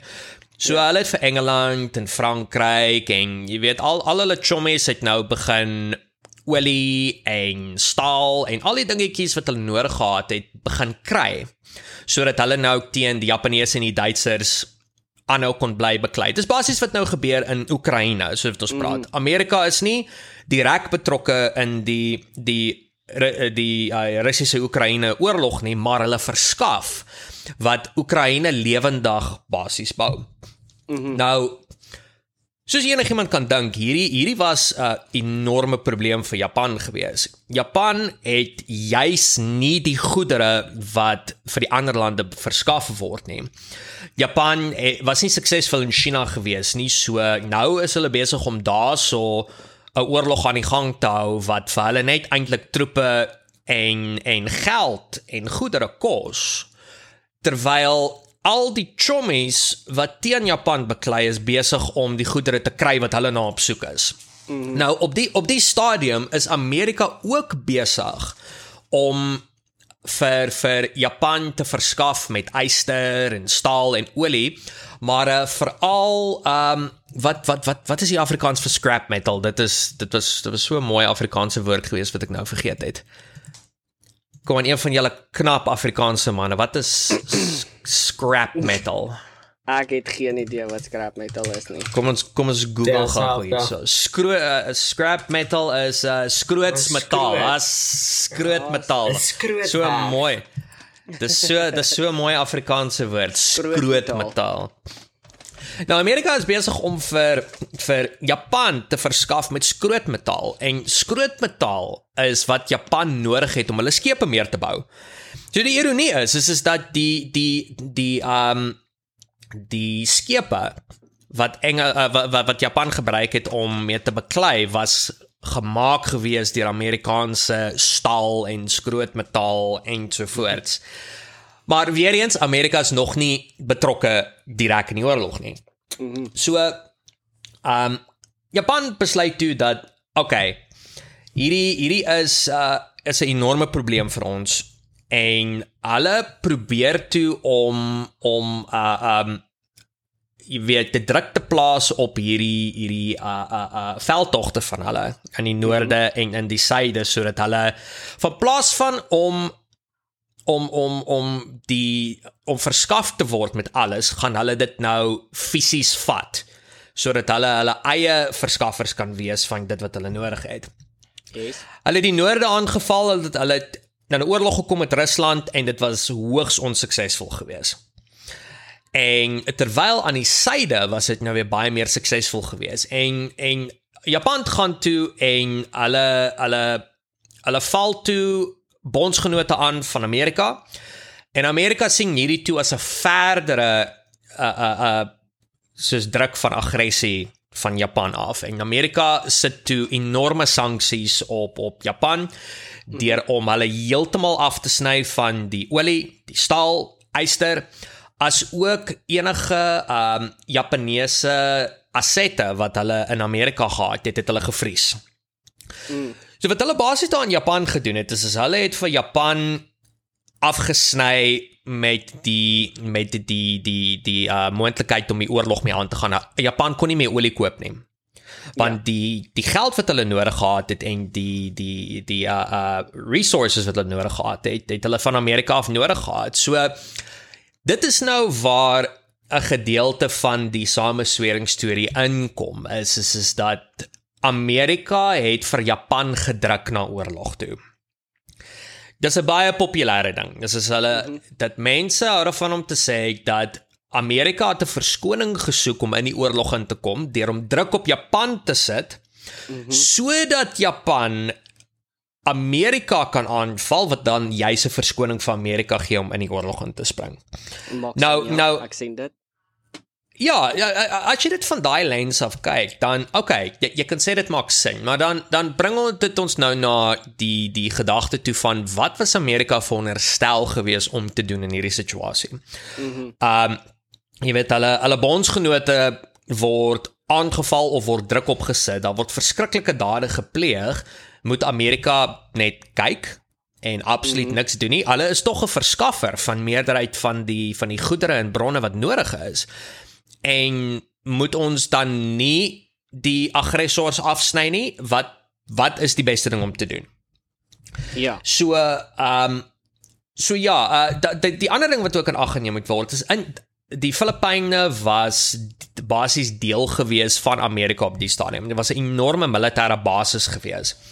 En die Filippyne het ook stelselmatig begin hierdie hierdie uh hierdie vleiende vestigings of flying fortresses wat hulle noem the B17 bombers het hulle begin stig in die Filippyne wat in die toekoms vir Japan 'n enorme probleem kon gewees het want hierdie B hierdie B17 bombers was was ongelooflike tegnologie gewees vir die tyd. As daai goeters oor stede beweeg het, hulle Hulle blaas 'n stad van die gesig van die aarde af weg. Hulle level net alles. Nou nou sit jy met 'n klomp van hulle wat in die Filippyne sit. Dit is vliegdistansie weg van Japan af. Japan is die aggressor en Amerika is besig om hierdie hierdie vliegtye hierso by die Filippyne te sit. Wat doen ons nou as Japan? Laat ons hulle toe of reageer ons? Maar as dit nie oorlog met Amerika nie, wat is die beste ding om te doen? Ja. So hierdie is nou stelselmatig besig om vir ons nader te bring aan wat was die oorsake gewees van Pearl Harbor. Yes. So ons weet nou dat Japan het het hulpbronne nodig gehad en hulle het dit nie gekry nie en hulle het dit fisies probeer vat. Dit was nie baie suksesvol gewees nie en Amerika het hulle nou afgesny. So nou nou is is Japan in hierdie verskriklike situasie van hulle moet nou een van twee keuses maak. Een, ons gee die oorlog op, ons sê ons het verloor. Mm of twee, ons vat wat ons nodig het by force om dit nou in Engels te gesê, ons vat dit met geweld. Mm en hulle het hulle het soos ons weet, hulle het geweld gekies. En die strategie agter dit was is is hulle het geweet dat hulle kan niks doen sonder om 'n reaksie uit Amerika uit te kry nie. So die die risiko en ook die die die dobbel wat Japan gekies het om te vat is is, is dat hulle wil Amerika probeer afsny vinnig genoeg om Amerika te keer om betrokke te raak in die oorlog terwyl Japan besig was om Suidoos-Asië oor te neem sodat hulle al hulle bronne wat hulle nodig het om die oorlog aan die gang te hou onder hulle beheer te kan kry as ook 'n verdedigingsstelsel op te stel sodat as Amerika in die toekoms besluit om betrokke te raak dat hulle gekeer kan word. Mhm. Mm en dit bring ons nou na Pearl Harbor toe. Mm -hmm. Nou um terwyl al hierdie tensies aan die gang is, nou bring dit ons na die volgende gedeelte van die samesweringsteorie toe. Is is is dat het Amerika nie geweet dat die aanval op pad was nie. Mhm. So kom ons kom ons dink 'n bietjie oor daai moontlikheid. Het Amerika geweet? Ek sal sê hulle het dalk geweet dat 'n aanval kan gebeur, Maar eerstens gaan Japan dom genoeg wees om ons aan te val. Tweedens, van waar af gaan hulle aanval? OK, Japan en Hawaii, vir die wat nie weet nie, Pearl Harbor is in Hawaii. Mm -hmm. En Japan en Hawaii is ver van mekaar af. Dis nie so eenvoudig soos jy klim in 'n vliegtyg daai tyd en jy vlieg vinnig Hawaii toe, bom die snot uit dit uit en dan vlieg jy terug nie. Da, dit dis nie dis nie hoe dit werk nie. Dis 'n enorme distansie. Ja ja. So as as hulle sou aangeval het, hoekom sal hulle Hawaii spesifiek aanval? En hoekom val hulle nie vir Kalifornië aan nie? Dit is dit is ek, ek, ek, dit is ook naby genoeg om dit so te stel. So van waar af gaan die Japaneese aanval as hulle besluit om die slapende reus wat Amerika is aan te val? niemand weet nie. En weer eens ek itereer dat ek dink nie hulle het gedink Japan gaan dom genoeg wees om iets so dit te doen nie. Ja. So Japan het toe besluit om die risiko te neem van hulle gaan 'n 'n 'n twee front aanval doen om om uh, basies vir Amerika vroeg genoeg te knak mm -hmm. sodat hulle soos wat ek genoem het uit die oorlog gehou kan word vir lank genoeg sodat Japan Suidoos-Asië kan oorneem. En die twee front plan was gewees hulle val Suidoos-Asië aan en in dieselfde tyd val hulle vir Pearl Harbor aan. Mhm. Mm en dit was dit was hoogs suksesvol geweest. Alhoewel ons nou weet hoe dinge uitgedraai het, die aanval het presies gegaan soos wat Japan beplan het. Hulle het ehm um, hulle het hierdie hierdie aircraft carriers het hulle gestuur ver in die noorde van van van Hawaii. Dit was dit was baie ver van Hawaii af gewees. Niemand het die skepe gesien nie. Niemand het gesien hulle is op pad nie. Daar was nie radar gewees wat dit opgetel het nie, nie radio uh, uh, uh, signals nie, niks. So die Japaneese het naby genoeg gekom en hulle het hulle het basies van die noorde van Hawaii suid aangeval na Pearl Harbor toe en hulle het basies alles wat hulle kon verwoes, het hulle verwoes. Pearl Harbor was nie die enigste plek gewees wat getref was in in Hawaii nie. Ja, dit was mm -hmm. Pearl Harbor was die was waar die skepe ge ge ge gedak was. Mm -hmm. uh, maar daar was lugbasisse gewees, daarso was olie reserves gewees, daar was allerlei strategiese uh, assette gewees vir Amerika wat op Pearl Harbor was. So dit het mm -hmm. baie sin gemaak om Pearl Harbor aan te val. En die die idee was is as hulle knak die die die die skepe en dan hou hulle vir Amerika uit. En so wat ek sê dit was baie suksesvol geweest. Hulle het 17 skepe gesink. Mm in in 'n periode van 'n van van 'n uur het hulle 17 gesink. En ja. Eh, eh, ja, chom dit is dis baie. En die skade wat hulle gedoen het was was ongelooflik geweest. Maar dit was nie skade genoeg geweest nie. Dit was die probleem. Alhoewel dit hoogs suksesvol was. Uh hulle hulle hulle hulle het Amerika vir 'n rukkie uitgehou en hulle het Suidoos-Asië oorgeneem. Hulle het presies dit reg gekry wat hulle wou gehad het. Asië oorgeneem. Hulle het 'n verdedigingsstelsel rondom Suidoos-Asië gebou en hulle het gekry wat hulle wou gehad het. Die enigste klein probleempie is is hulle het nie verwag wat die reaksie van Amerika gaan wees nie. Hulle het hulle het gehoop dat die reaksie van Amerika gaan wees dat uh Japan het ons aangeval en um ons ons wil hierdie op 'n ordentlike manier uitsorteer. En daai uitsorteer sal behels dat Japan hou die lande wat hulle oorgeneem het wat dan toelaat dat Japan die hulpbronne het wat hulle nodig het sodat hulle nou hulle empire kan hê soos wat hulle wou. Dit is wat Japan vir gehoop het. Om Amerika uit te forceer voordat hulle 'n kans kry om magtig te kan raak. En uh dis hoekom ek sê dat hulle het net nie genoeg skade gedoen nie. Die oliereserwes in Pearl Harbor was nie stukkend geskiet nie, so dit het vir Amerika baie voet in die deur gegee om aan die gang te kom en tweedens die hele Amerika het het ge, ge het geunify. Mhm. Mm en die slapende reus was nou wakker gewees. En Japan het was nou in groot moeilikheid in gewees om dit so te stel. So, um een van die een van die ander dinge wat genoem was is is dat hierdie hierdie een het blykbaar gebeur. Hierdie was nie 'n uh, samesweringsteorie gewees nie. Mhm. Mm Daar was 'n duikboot gewees wat 'n dag of 2 voor die aanval op Pearl Harbor was raak gesien gewees. Die Amerikaners het gewees dit was 'n Japaneese een gewees. En ehm um, daar was nie 'n reaksie daarop gewees nie. Nou mense kan van die eh, eh, van die die die, die lens van die huidige kan ons nou kyk en sê o maar daai was 'n dom fout gewees. Mm -hmm. Jy kom ons nou weet dat jy, ons het probleme met Japan, ons het nou 'n bietjie op hulle tone getrap deur om hulle af te sny. Natuurlik beplan hulle iets vir ons. Natuurlik. Maar weer eens is dit noodwendig die waarheid. OK, daar's 'n duikboot. En dis 'n Japaneese duikboot. Is dit 'n gevaar vir ons? Nie noodwendig nie, dit kan baie dinge beteken. Nou nou wat wat doen jy? Skiet jy die duikboot stikkend en jy veroorsaak 'n definitiewe reaksie van Japan af dat daar is nou oorlog tussen ons of mm -hmm. laat jy nou maar net die duikboot gaan en ons kyk nou maar wat gebeur. So so so die, hierdie is al die dinge wat in ag geneem moet word. Dis is dat dit moet onthou word dat of dit nou 'n uh, 'n teorie is of nie, die die posisie van Amerika was as hulle wou nie betrokke raak by die oorlog nie. Ja. Dit sê ons nuwe dokumente of goeder skryf wat bewyse gee dat dit is anders.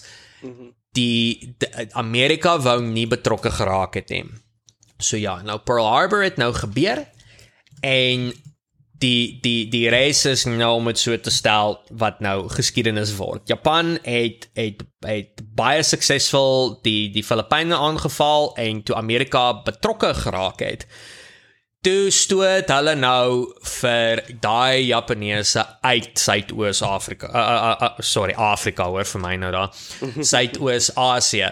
En en dit het heeltemal teen dit gegaan vir wat Japan gehoop het. Mhm. Mm en uh om ek nou maar net basies so wat ek sê die res is nou geskiedenis ons weet toe dinge uitgedraai het en um verskriklike talle van van Amerikaners en Japaneese was dood gewees mm -hmm. te danke aan Amerika wat betrokke geraak het en dit het op die ou ende gelei na die twee atoombomme wat geval het wat ons tot die einde van die oorlog toe bring. Ja, dis toe uh, president Roosevelt vir uh, Oppenheimer gebel het en gesê het stuur jou twee seuns Japan toe. Ja, en en en daai daai is uh eintlik ek sal sê vir 'n vir 'n toekomstige potgooi sal dit nou 'n uh, 'n interessante gesprek kan wees om te voer oor uh wat was die betere keuse vir Amerika geweest? Moes hulle die bomme mm gegooi het of moes hulle dit nie gegooi het nie? Wat was Amerika se opsies geweest? In verband met die atoombomme. Uh het hulle nodig gehad om die bomme te gooi? Ja, nee, wat is jou redes agter dit? Gevolg deur kon hulle 'n diplomatisiese manier gevind het eerder as om die bomme te gooi of uh, moes hulle net soos glad nie die bomme gemaak het om mee te begin nie. Daai daai kan daai kan 'n interessante um gesprek wees vir die toekoms waar waar waar ek sal sê dat uh, jy weet jy jy vat die een argument te deel word van die ander argument en ek vat ons vat 'n 3 punt argument mm -hmm. en ons sit die drie bymekaar en dan jy weet dan dan dan dan kan die die luisteraars besluit oor wat vir hulle die meeste sin maak. Maar uh ja, ek kyk nou so 'n bietjie van die gesprek afgegaan om om om nou klaar te maak met wat wat wat ek sal sê my opinie is oor die die samesweringsteorie van het Amerika geweet en het Amerika gekies om om dit te laat gebeur ensovoorts. Ek persoonlik dink dit is 'n valse teorie. Mhm. Ek ek dink nie dat Amerika het werklik toegelaat dat dit gebeur nie. Dat dat 17 skepe met duisende lewens wat gevolg word deur miljoene lewens na die tyd verlore moes gegaan het net omdat Amerika gehoop het dat hulle betrokke kan raak in die oorlog nie. Ek dink dat dat dat ehm um, Amerika was omkant gevang met die hele aanval op op Pearl Harbor en en alhoewel Amerika vir Japan rede gegee het om te te reageer kan jy in moderne tye dan sê dat Rusland word rede gegee om Amerika aan te val omdat hulle presies dieselfde besig is om aan Rusland nou te doen as wat hulle aan die Japaneese jaai tyd gedoen het. Mm -hmm. Sanksies word uitgevoer, hulle sny julle af en ons verskaf goedere aan die bondsgenote wie die eintlike hulp nodig het in die aggressors. Wat was Amerika veronderstel gewees om te doen? Is is is my vraag aan die luisteraar in hierdie situasie. Het Japan rede gehad om Amerika aan te val? vir vir vir die oorlogsonthaalwe? Ja. Hulle was rede gegee gewees deur Amerika om om om iets te doen. Maar die keuse wat hulle gekies het, het net baie sleg vir hulle uitgedraai. Alhoewel dit eers suksesvol was, het dit in die langtermyn verskriklik sleg vir hulle uitgedraai. En weer eens, die reis is geskiedenis. Absoluut. Ek dink dit is 'n moeilike besluit as jy weet om te te dink wat was die beste opsie want jy weet ek seker almal in wêreld in daai wêreldoorlog het druk gehad van alle kante af om te besluit soos alright watse rigting gaan ons wat gaan ons doen wie gaan ons aanval wie wil ons jy weet met met wie wil ons vriende maak met wie wil ons nie wie wil ons ons vyand hê en uh, ja um baie mense sal ook seker sê Amerika wou deel raak van die oorlog want daar's baie geld betrokke by die oorlog. Jy weet daar's daar's baie geld wat jy spandeer, maar daar's baie geld wat jy maak. Um daar is alle allerlei tipe konspirasie teorieë rondom um sameswering, wat sê sameswering teorie? Sameswering teorie. ja, wat betrokke is rondom om wêreldoorlog 2. So dit was my lekker geweest om bietjie te gesels oor jy weet 'n paar verskillendes van dit. Ek sal Wêreldoorlog 2 is vir my 'n ongelooflike fascinerende um onderwerp. Ek voel dis regtig dis 'n jammer dat ons jong mense van vandag nie meer leer oor daai geskiedenis nie, want jy weet as jy na die geskiedenis kyk, kan jy en en en en jy weet wat in die geskiedenis gebeur het, dan is jy nie geneig om dieselfde foute oor en oor te maak nie. En soms wonder ek soos as mens meer leer van die van die geskiedenis sal mense dit nie dalk beter bewus maak oor jy weet wat is beter besluite vir die toekoms nie sodat nie weer kan gebeur nie. so well, nee nee nee nee uh, sorry nee nee dit nee dat dat an, andersins as om net te leer uit die geskiedenis uit dink ek 'n baie belangrike ding wat moderne mense nie regtig doen nie is jy ons probeer om altyd geskiedenis aan te vat van wat ons moderne perspektief van die geskiedenis is. Ons probeer nooit om die perspektief te verstaan van die verlede nie. En dit dit dit dit dit veroorsaak baie sensitiewe gesprekke tussen mense waar hulle sit en kyk en is van hoe kon mense X Y en Z gedoen het. Het hulle nie beter geweet nie? uh, jy jy jy kyk uit dit van die lens van 'n moderne perspektief uit. Nou weet ons beter want ons weet hoe dit uitgedraai het. Maar as jy daai tyd se perspektief kyk, is daar so baie baie klein dingetjies wat wat na moet gekyk word en verstaan word. Dit is nie maklik soos wit en swart nie. Daar mm. is grys gedeeltes intussen en ook. En en, ja. en dit gebaseer op sorry, net om my klaar te maak. uh uh dis gebaseer van van Japan wat aangeval het. Ja, Japan het was verkeerd geweest om aan te val, ons weet dit. Maar ons praat hierso van honderde jare se oorloë wat deur verskillende groepe mense vir presies dieselfde redes nou al gebeur het. En waarvan ons weet dat Engeland was hoogs suksesvol in dit gewees. Hulle het die grootste empire gehad wat bestaan het. So hoekom is dit iewes skielik verkeerd vir 'n land soos Japan om dit te doen? Nou kyk, ek net om dit duidelik te maak, ek stem glad nie saam met dat Japan dit gedoen het nie. Ek meen net dat vir die tydperk -hmm. kan 'n mens sê dat dit was die ding gewees om te doen. Ja. Wel, dis hoekom ek in die begin ook gesê het dat jy weet tydens die 1940s dat eugenics was 'n ding gewees. Mense wou hulle wou segregasie in hulle in hulle lande gehad het. Dat die enigste verskil tussen die nasies en die res van die wêreld is is die nasies wat die wêreld oorgeneem het. Hulle wou vir hulle self 'n groot land gemaak het. Hulle het verloor. Maar dat die, die Italianers is nie Ariërs nie, maar Mussolini en Hitler was vriende gewees. En dis dis die ding, hulle wou net hulle eie plekjie in die wêreld gehad het en die nasies het gretig geraak en hulle wou 'n groter plek van die wêreld gehad het en dit gemaak het mense hulle opneem. Maar Amerika het dieselfde gedoen. Amerika het segregasie gehad tot in die 60s toe. Tom, en, ek kan om my sensitiewe noot net daarso te lê is is die Rwanda genocide. Mhm. Mm ja, wel, jy weet jy hoef nie ver te gaan in Suid-Afrika om te sien hoe tribalism aan die gang is nie. Dat daarso daarso is daarso um tribes in Afrika wat mekaar nie kan staan nie. Ek gaan nie name noem nie, maar julle weet wie julle is.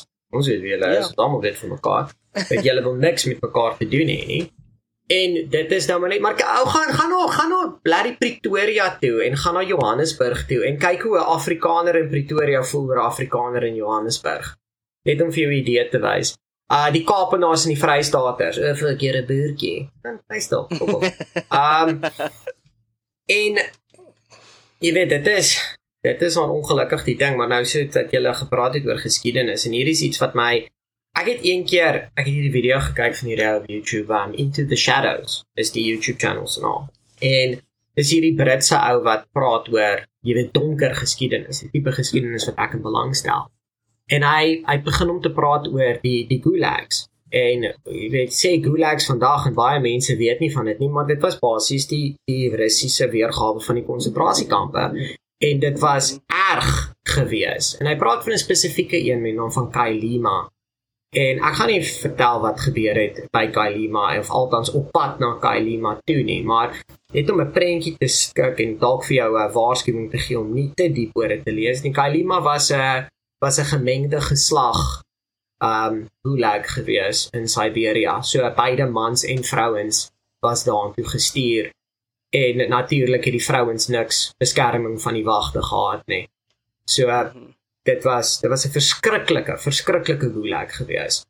En jy kyk nou hoeveel jong mense vandag hulle self trotse kommuniste noem en ek's net van hierdie is 'n faset van kommunisme wat jy nie wil oor praat nie. Dat nadat ek geleer het van Kailima af het my opinie rondom mense wat hulle self kommuniste noem heeltemal verander. Soos ek sien jou nou as een van twee dinge. As jy sê jy's 'n kommunis of jy is 'n idioot wat nie weet van hierdie goeters nie. Dis soos 'n nasie wat sê ek's 'n nasie, maar ek weet nie van die konsentrasiekampe nie. Wat is 'n konsentrasiekamp? Jy weet, ek dit is net 'n politieke ideologie. Fok of man.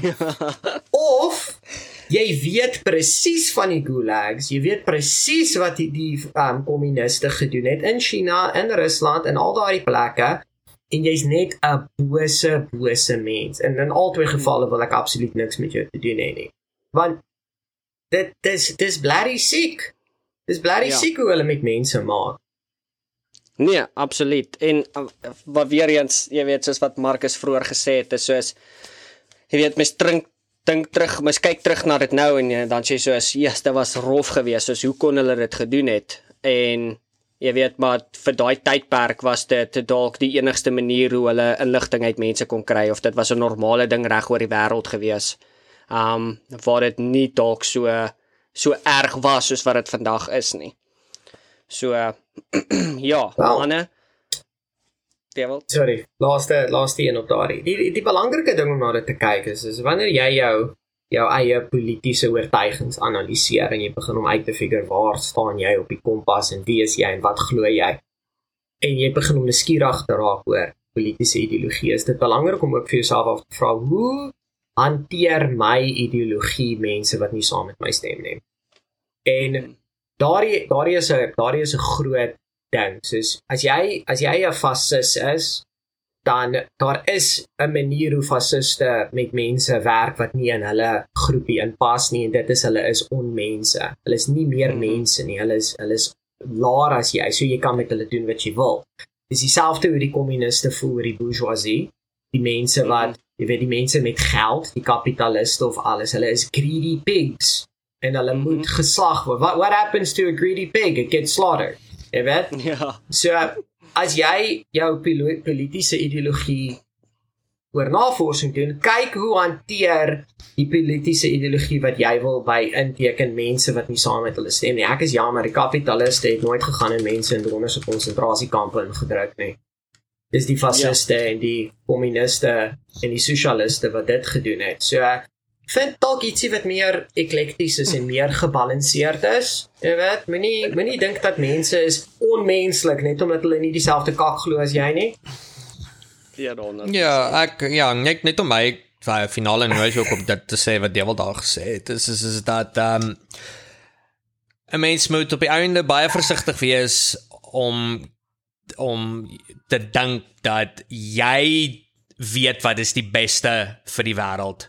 -hmm. dat jou ego is so groot dat jy glo jy dinge beter sou gedoen het, dat jy glo jy nie betrokke sou gewees het by die verskriklike dade van die verlede nie, net omdat jy van 'n moderne huidige perspektief af kan kyk en sê dat o, ek sou dinge anderster gedoen het. Dit is nie te sê nie dat die nasies het was nie almal bose mense gewees nie. Baie van hulle was gewone mense soos ek en jy gewees wat inforceer was en hulle was inforceer gewees op op op uh, uh verskriklike maniere soos jou familie word word word vasgehou of jy weet jy gaan jy gaan jou jou lewensmanier verloor en ewe skielik neem jy deel want want jy jy's onder vrees en jy voel dit jy het nie 'n keuse uit nie so nou kies jy die bose kant en as mense mooi gaan sit en dink is dat die waarheid is, is ons doen dit nog steeds vandag net op ander maniere om dit op 'n kleiner skaal te sê. Dit is, is om iemand word geboelie en jy kyk hoe die persoon geboelie word. Nou dis 'n aansienlike kleiner skaal as as wat met die Jode gebeur het, maar die die prinsipie is presies dieselfde. Ja. Boelie gaan, hy hy hy, hy boelie die klein ouetjie, jy staan en kyk want jy wil nie geslaan word nie. -hmm. Of die boelies, die boelies sê dat jy moet self betrokke raak anderster word jy geboelie. So, dan kies die mense om te boelie. Mm -hmm. Selfs met politieke Of jy word geskort, ja. As jy moet help word jy geskort. Jy mag nie 'n fight opbreek nie, want jy's deel ja. van die fight. So ja, van ja. so van die die die van politieke of groepsperspektiewe af is is is dat alhoewel dit nie nou nie meer Nazisme of Empire of the Rising Sun se maniere is nie. Dit is dat wees versigtig dat die groep wat jy in betrokke is is werklik so wonderlik soos wat jy sê dit is. Wees bereid. Ek sê nie dat jy mag nie in groepe wees nie. Wees wees in jou groep, wees die beste lid wat jy kan, maar in dieselfde asem wees oop daarvoor dat die dade wat jou groep uh uh in deelneem is nie noodwendig die beste nie. En wees ook bereid om met die ander groep te praat. Die ander groep wat jy sê jy nie van hou nie, of jy nou 'n kommunis is of jy 'n kapitalis is, of jy nou 'n Christen is of jy nou 'n moslim is. Net ons nodig om mekaar dood te moer. Nee, ons kan eintlik agterkom wat as ons sit en ons hou 'n gesprek oor die goeie. Okay, fine. Weet jy wat? Ek stem nie saam met wat jy glo nie en ek stem nie saam met die groep wat jy in betrokke is nie, maar miskien, net miskien is daar so 'n dingetjie hier en daar wat my die perspektief gaan gee dat ek verstaan hoekom jy glo wat jy glo en doen wat jy doen. Dit is dalk nog steeds vir my verkeerd, maar ek kan verstaan oor wat aan die gang is. Absoluut. Ek stem 100% saam. Jy ja, almal van julle het baie goed gestel en uh, ja. Maar ons gaan die episode hier moet afsluit. Die was 'n uh, die was 'n lang ene vir die wat nog hier is. Well done. Jy weet jy is uh jy's 'n Afrikaanse manne eister. So um die wat nog nie weet nie, ons het 'n uh, Facebook, ons het 'n Instagram, ons het YouTube, Spotify, Apple Podcasts, ons het ons is op alles. Google Podcast, gooi vir ons 'n review, gooi vir ons 'n like, gooi vir ons 'n share. Um elke bietjie help en uh, dis hoe ons nuwe luisteraars kry. En so ja, baie dankie vir al ons luisteraars en Marcus en Dewald, baie baie dankie aan julle twee. Dit was regtig vir my lekker geweest om bietjie navorsing te doen meer oor wêreldoorlog 2. Dit was my lekker geweest om nuwe dinge te leer en om bietjie julle perspektief te kry oor dinge. Ek sien uit om om om in die toekoms iets anders te, te doen oor wêreldoorlog 2 waar ons bietjie dalk kan uitbrei en en verder kan gesels oor hierdie dinge. So dankie aan julle. Groot plesier. Baie dankie. Weereens, was lekker geweest om weer betrokke te wees tot die volgende een toe. Yes, tot die volgende een. Alrite manne.